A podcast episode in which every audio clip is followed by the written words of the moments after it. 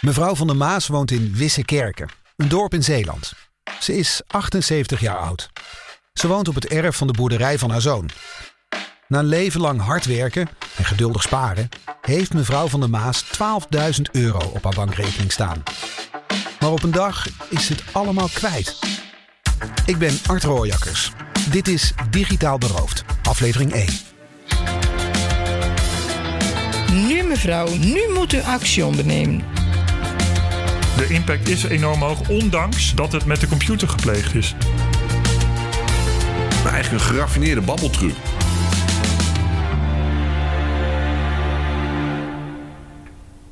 Ik woon hier van 1968, We zitten in het huisje van mevrouw van der Maas. dus meer dan een halve eeuw. Het is een houten chalet aan een wit grindpad met wat coniferen ervoor. Binnen een bank, een glazen salontafel met een kanten kleedje en een vaasje bloemen erop. En veel foto's van de kinderen en kleinkinderen aan de muur. We hadden een heel druk bedrijf, een fruitteeltbedrijf, waar ik zo goed en zo kwaad als dat ging steeds meehielp, omdat het financiële plaatje in die tijd heel erg moeilijk was. Uiteindelijk komen er in totaal zes kinderen. Er kwamen hele mooie jaren, er kwamen hele trieste jaren. Ik ben een gelovig iemand, dus ik wist ook dat er een God is die mijn leven leidt. En zo hadden we het eigenlijk goed met elkaar. De kinderen gaan trouwen, er komen kleinkinderen. En al die tijd legt mevrouw van der Maas, als het maar even kan, geld opzij. En we kregen het makkelijker, iets makkelijker, omdat de kinderen de deur uit waren. Dus ook het financiële plaatje werd ietsje, ietsje beter. Haar man gaat met pensioen.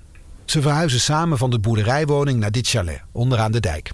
Een paar jaar later overlijdt haar man. Ja, ik miste mijn man, tuurlijk miste ik hem heel erg. Maar er was ook rust. Ik kon wat meer naar de kinderen, naar mijn familie. En ze is Vlaanderen, wat ik ook erg graag deed. Ik ben niet rijk. Ik voel me niet arm hoor. Echt niet. Ik ben rijk met al hetgeen ik heb. En zo ging eigenlijk op een gegeven moment mijn leven wat rustiger voort. Totdat vorig jaar, 13 juli, op een maandagmiddag, het regende de hele dag en dat, dat is iets waar ik zelf al heel erg moeilijk tegen kan. En ik was ook niet fit. Dat heb je soms, zeker als je ouder wordt. En dan wordt er gebeld om kwart voor vijf.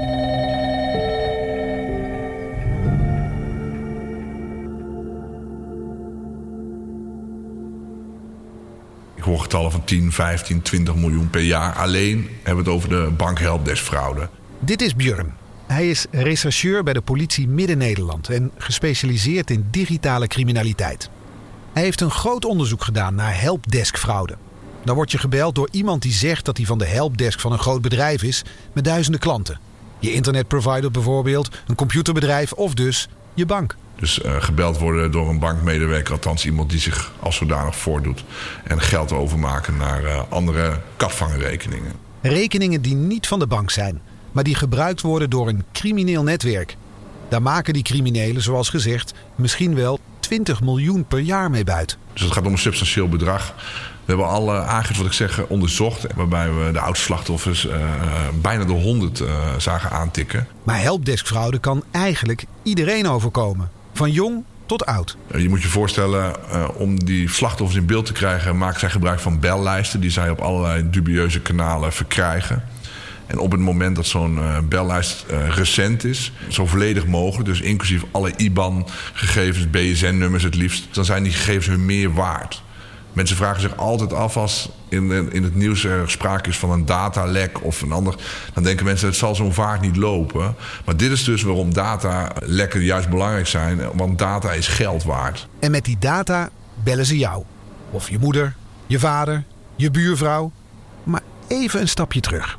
Hoe werkt dat nu precies? Helpdeskfraude. Eigenlijk een geraffineerde babbeltruc, want dat blijft het in feite ook. Weliswaar met allemaal digitale componenten waardoor zij hun verhaal kracht bij willen zetten. Maar het blijft een digitale babbeltruc. Waarbij slachtoffers met een mooi verhaal worden overgehaald om zelf geld over te maken.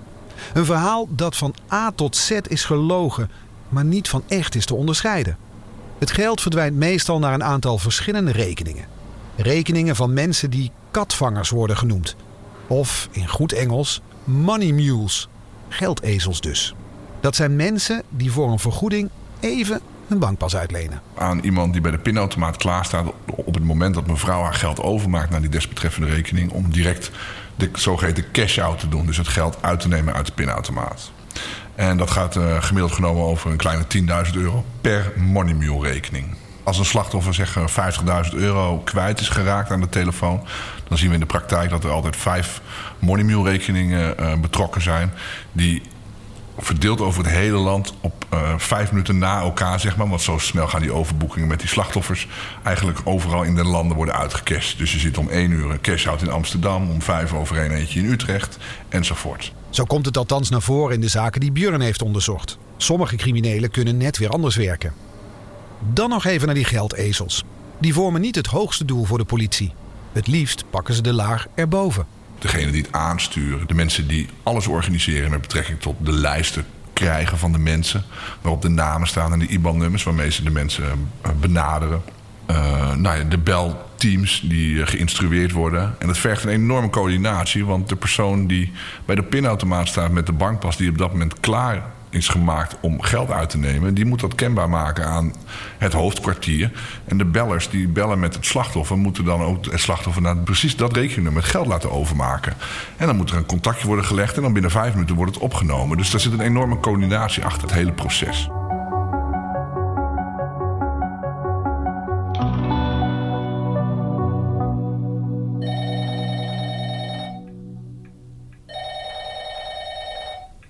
Ik werd gebeld om kwart voor vijf en het was anoniem. En omdat ik altijd heel erg alert was, ik zei dus niets. Ik pak hem wel op. En tot mijn verbazing wordt er gezegd: Goedemiddag, mevrouw van der Maas. Wie bent u? vroeg ik. Ik ben een fraude helpdesk-medewerker van de ING, mevrouw. En ik heb niet zo'n fijn bericht voor u. Ik zeg, oh, dat is wat. Wat bedoelt u? Nou, er is een Duitse criminele bende bezig om uw bankrekening leeg te plunderen. Ik zeg, wat? Dat kan toch niet? Ja, mevrouw, is echt heus waar. Ik zeg, ja, maar dan wil ik toch even mijn kleindochter vragen, want die doet samen met mij de bankzaken. Nee, mevrouw, er is helemaal geen tijd voor. Dat kan niet, mevrouw. Nu echt, het kan niet, het kan niet. Een half uur geleden is er eh, weer een poging gedaan. We hebben het nog veilig kunnen stellen. Ik zeg, ja, maar dan wil ik toch even mijn zoon ook even, want die woont hier vlakbij. Nee, mevrouw, echt, het kan werkelijk, werkelijk niet. Wij gaan proberen om uw geld veilig te stellen op een bankrekening bij de ABN AMRO. Werkt u nou maar mee, want het komt echt niet goed hoor. Het komt echt niet goed. Werk nu maar mee. Ik zeg nee ik, ik, nee, ik geloof niet dat het goed is. Ja, mevrouw, het is wel goed. Wij gaan voor u zorgen, wij dragen zorg voor u. En toen gebeurde het. Helaas. Ik moest uh, ja, het geld overmaken, wat of erop stond. Schrijft u het maar op dat bankrekeningnummer. Dat is van de ABN AMRO ter name van. En toen ben ik denk ik helemaal de fout gegaan, dat heb ik niet goed begrepen. Het was een particuliere naam. Achteraf denk ik dat had ik niet moeten doen. Maar het is gebeurd. En iedere keer het, het, dringen, het dringen. Opschieten mevrouw, het is nu tijd. Ik zei ja hallo, wacht eens even. Want dat, dat werd ik beu op een gegeven moment. Maar ja, ik, ik, ik kan gewoon niet zeggen hoe ik hier zat. Ik, ik, ik was helemaal leeg en suf en, en ja, ook ongerust omdat ik toch iets voelde wat niet klopte. Maar waar ik niet meer uit kon. Ja, maar hij leek heel echt. Ja, echt.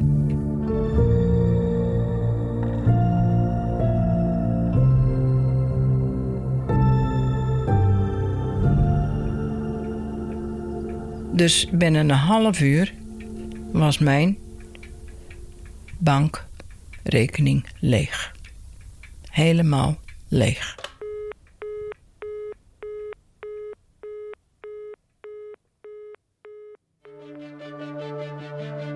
De wijze waarop zij die gesprekken voeren, dat is, uh, ja, als je achteraf weet wat ze aan het doen zijn, is het stuitend om te horen de manier waarop ze die oudere mensen inpalmen. En uiteindelijk voor zich weten te winnen om te laten doen wat ze willen doen. Terug naar Björn, de rechercheur digitale criminaliteit. Maar ook de professionaliteit van de wijze waarop ze het gesprek voeren, daar moet je ook wel weer in die zin respect voor hebben. Dat, dat, dat doen ze enorm goed. Dat zijn echt, echt door de wol geverfde professionals die dit doen. Björn weet hoe goed de daders erin zijn om te doen alsof ze van een echt callcenter zijn. Als de daders uh, aan, de, aan de lijn hangen met het slachtoffer, hebben wij verhalen zelfs gehoord dat de slachtoffers uh, het geld overmaken naar de rekening van, laten we zeggen, meneer uh, J. En op het moment, dat is dan de money mule rekening. En op dat moment uh, wordt het slachtoffer in de wacht gezet. Of krijgt zelfs een wachtmuziekje te horen. En uh, vlak voor het moment zeggen ze: we gaan even kijken of het geld veilig is geparkeerd op een veilige rekening. En op dat moment dat het slachtoffer in de wacht hangt, uh, wordt er gebeld met de persoon die bij de pinautomaat staat. Met de bankpas van die meneer J. Jansen. Die het op dat moment direct uit de muur trekt.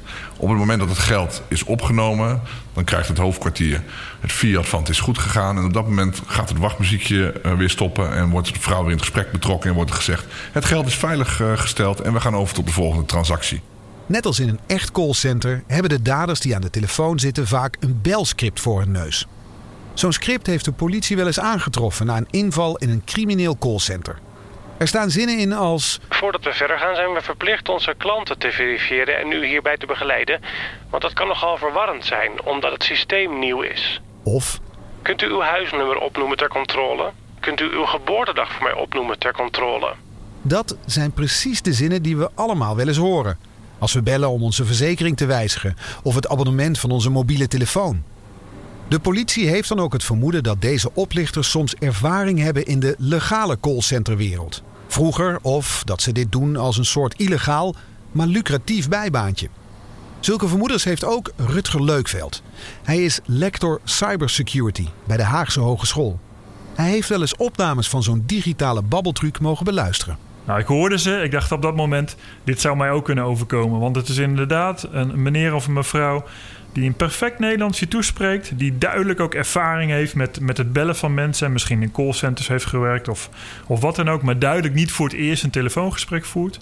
Ook heel goed ingaat op wat iemand zelf zegt. Hè. Dus je kan ook zien dat ze... Ja, ze volgen niet alleen een, een, script die door iemand anders geschreven is, maar ze kunnen ook heel duidelijk echt inspelen op wat iemand zegt. Dus het is ook best wel lastig inderdaad voor mensen om te herkennen dat het niet om de bank gaat. Officier van Justitie Ronald Kranen heeft veel te maken met digitale criminaliteit. Volgens hem is het eigenlijk logisch dat sommige daders uit de echte callcenterwereld komen. Je hebt bijvoorbeeld iemand die phishing sites kan bouwen en die technisch allemaal op orde heeft. En die gaat dan om zich heen kijken. Ja, maar wie zou nou die telefonische oplichting kunnen doen? En dan is het niet zo gek dat ze terechtkomen bij iemand die bij een callcenter werkt. Want die heeft natuurlijk ook in zijn stem en in zijn benadering de routine die je zou verwachten als iemand van de bank je belt.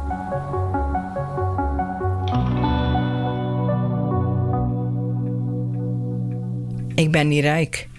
En ik had er heel mijn leven hard voor gewerkt, dus een bij zuinig op. En vandaar dat ik dacht, het moet veilig gesteld worden. Ergens. En toch was er die twijfel. Het, ik kan dit niet goed. Ik kan dit niet goed onder woorden brengen. Hoe je je voelt. Het, het is heel dubbel. Het voelt als een niet goed en als een moeten om het toch te doen. Dat is. Ik kan dit ik kan dit gevoel niet onder woorden brengen.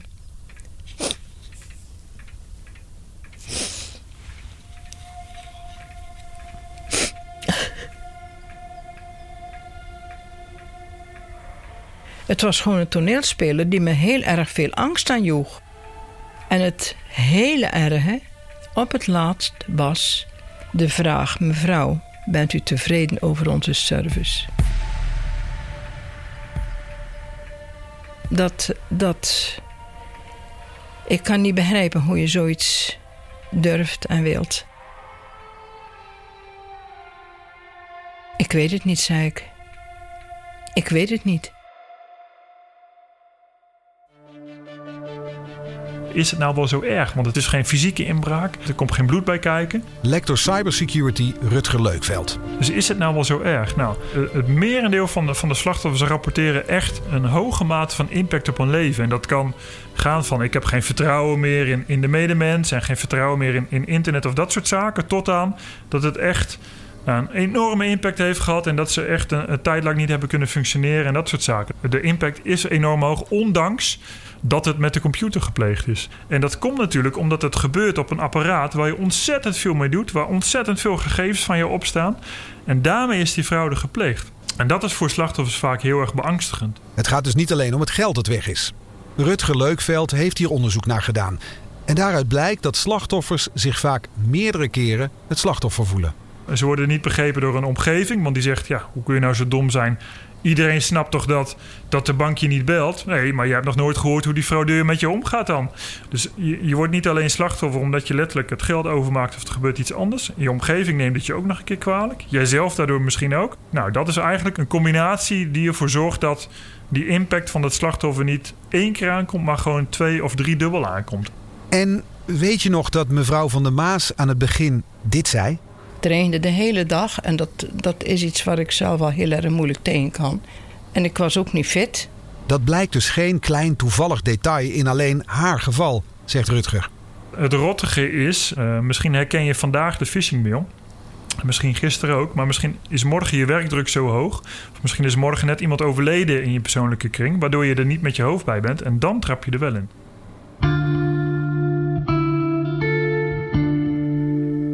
Ik voelde paniekaanvallen opkomen. Dus ik belde regelrecht mijn kleindochter, die was in die tussentijd thuis. En ja, ze kwam heel blij binnen. Ha, omaatje, kan ik je helpen? Dus ik zat nog uh, achter die computer en ik wees alleen maar. Oh, zegt ze. Oma, u bent opgelicht.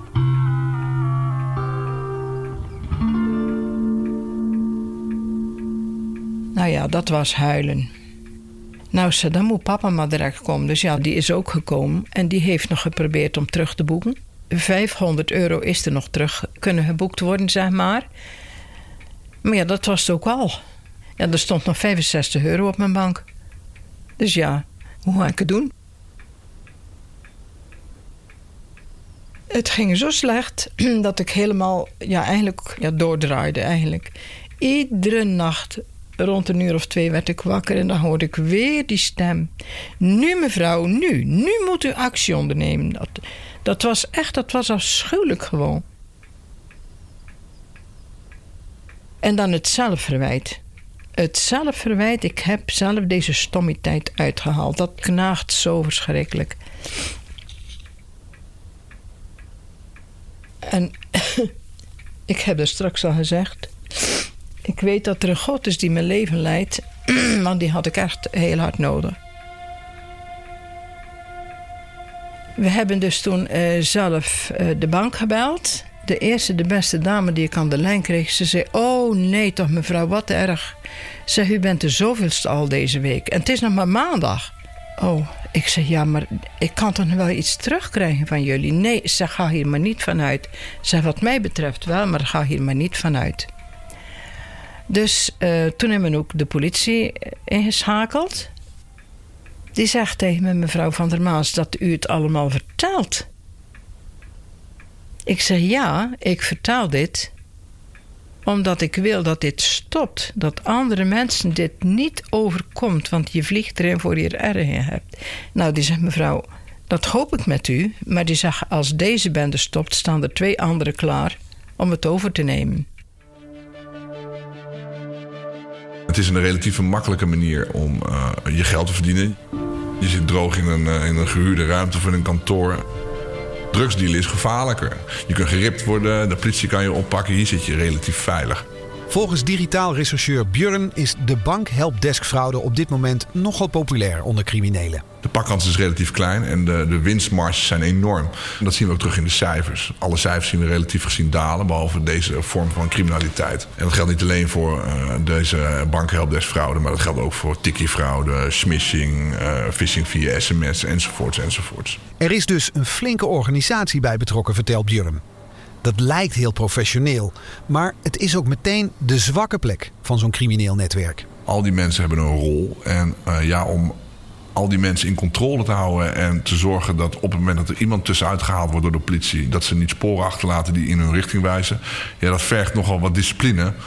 En we zijn er wel achter gekomen dat lang niet iedereen de discipline heeft. Met als gevolg dat je uiteindelijk uh, flink wat informatie kunt verzamelen als je goed je werk doet. Zo weet de politie met enige regelmaat verdachten op te pakken. Het Openbaar Ministerie brengt ze dan voor de rechter.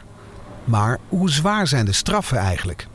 Officier van Justitie Ronald Kranen. Dan hebben wij als Openbaar Ministerie gezegd dat de basis eigenlijk is drie jaar gevangenisstraf als eis. En daar ga je dan vervolgens op plussen en minnen. Dus je kunt iemand hebben waarvan je denkt, nou, die is eigenlijk heel kort, heeft hij een minimale rol gehad hierin.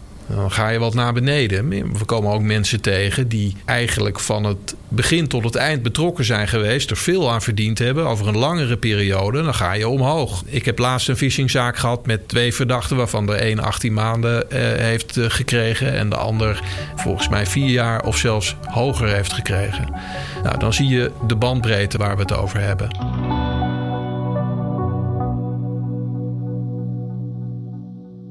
In eerste instantie weigert de bank het geld van mevrouw van der Maas terug te betalen. Ja, we kregen steeds uh, heel erg negatief bericht. Ze heeft het geld immers zelf overgemaakt. De bank valt niets te verwijten, zo is de reactie. Ik had nooit het idee dat ik alles terug zou krijgen van hun, maar een kleine tegemoetkoming had ik wel opgehoopt. De familie schrijft brief na brief na brief. En uiteindelijk is er goed nieuws. De bank schrijft terug. Uh, moet ik het voorlezen? Beste mevrouw van der Maas-Tollenaar. Net op de valreep van dit jaar hebben we goed nieuws voor u. We komen u uit Colans financieel tegemoet nadat u slachtoffer bent geworden van spofing. Daarbij hebben ze uw vertrouwen gewonnen om geld over te maken naar een rekening van een crimineel. Terwijl u dacht dat u uw geld juist veilig stelde, daarom hebben we besloten om u financieel tegemoet te komen. En het mooie was, ik wilde 2 januari rekeningen betalen. En ik had gespaard voor mijn zorgverzekering. Dus ik uh, ontsluit mijn bankrekening. En wie schetst mijn verbazing dat dat grote bedrag er ineens op sting? ik, ik heb eerst een poosje gehuild. En toen heb ik al de kinderen direct bericht gedaan. Dus ja, dat was natuurlijk geweldig. Ja, wat moet je doen? Uh, je, je, moet altijd melding doen bij de politie, wat mij betreft. Uh, want zonder meldingen gebeurt sowieso niks. Uh, en kan men ook niet analyseren. En kan men ook niet doen. Ik moet er wel gelijk bij zeggen: met lang niet al die meldingen wordt expliciet gelijk diezelfde dag iets gedaan. Verre van dat. Want dan zou de politie misschien een heleboel keer één iemand oppakken die bij een pinautomaat heeft gestaan zegt digitaal rechercheur Björn. Maar daar moet je het niet voor doen. Je moet kijken hoe vaak doet die man het vaker en welke verbanden zie ik en voor wie doet hij het eigenlijk. Want dat is de plek waar het echt een groot geld naartoe gaat.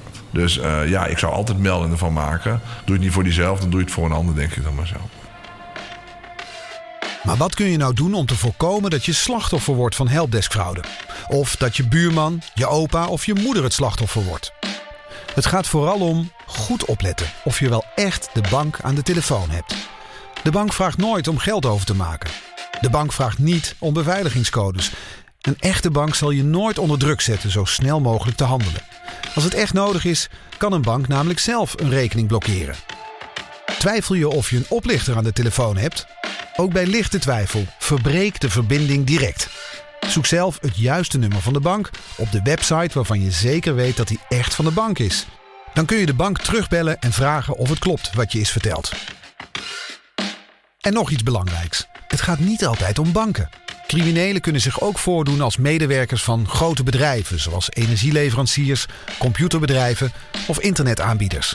Ze dreigen dan dat je afgesloten wordt en zeggen dat je onmiddellijk een rekening moet betalen. Soms belt zo'n bedrijf je trouwens niet, maar krijg je opeens een mededeling op je computer over een virus waar onmiddellijk iets mee moet gebeuren. Ook dan, wees alert en maak nooit zomaar geld over. Jij bent nu gewaarschuwd, maar vertel het door. Maak je je zorgen dat je buurvrouw, je tante of vader hierin zou kunnen trappen? Luister dan samen naar deze podcast. Links naar websites met meer informatie vind je in de show notes. Dat is de tekst bij deze aflevering in je podcast-app. Dit was Digitaal Beroofd, aflevering 1. In aflevering 2 en 3 hoor je verhalen over DDoS-aanvallen en WhatsApp-fraude, dat je eigenlijk vriend in noodfraude moet noemen. Ik ben Art Rooijakkers. Bedankt voor het luisteren. Het was wel mijn deel. Waar ik heel mijn leven hard voor heb moeten werken. Het was mijn geld. Dit moet je meemaken om te weten hoeveel impact het heeft in je hoofd, je hart en alles.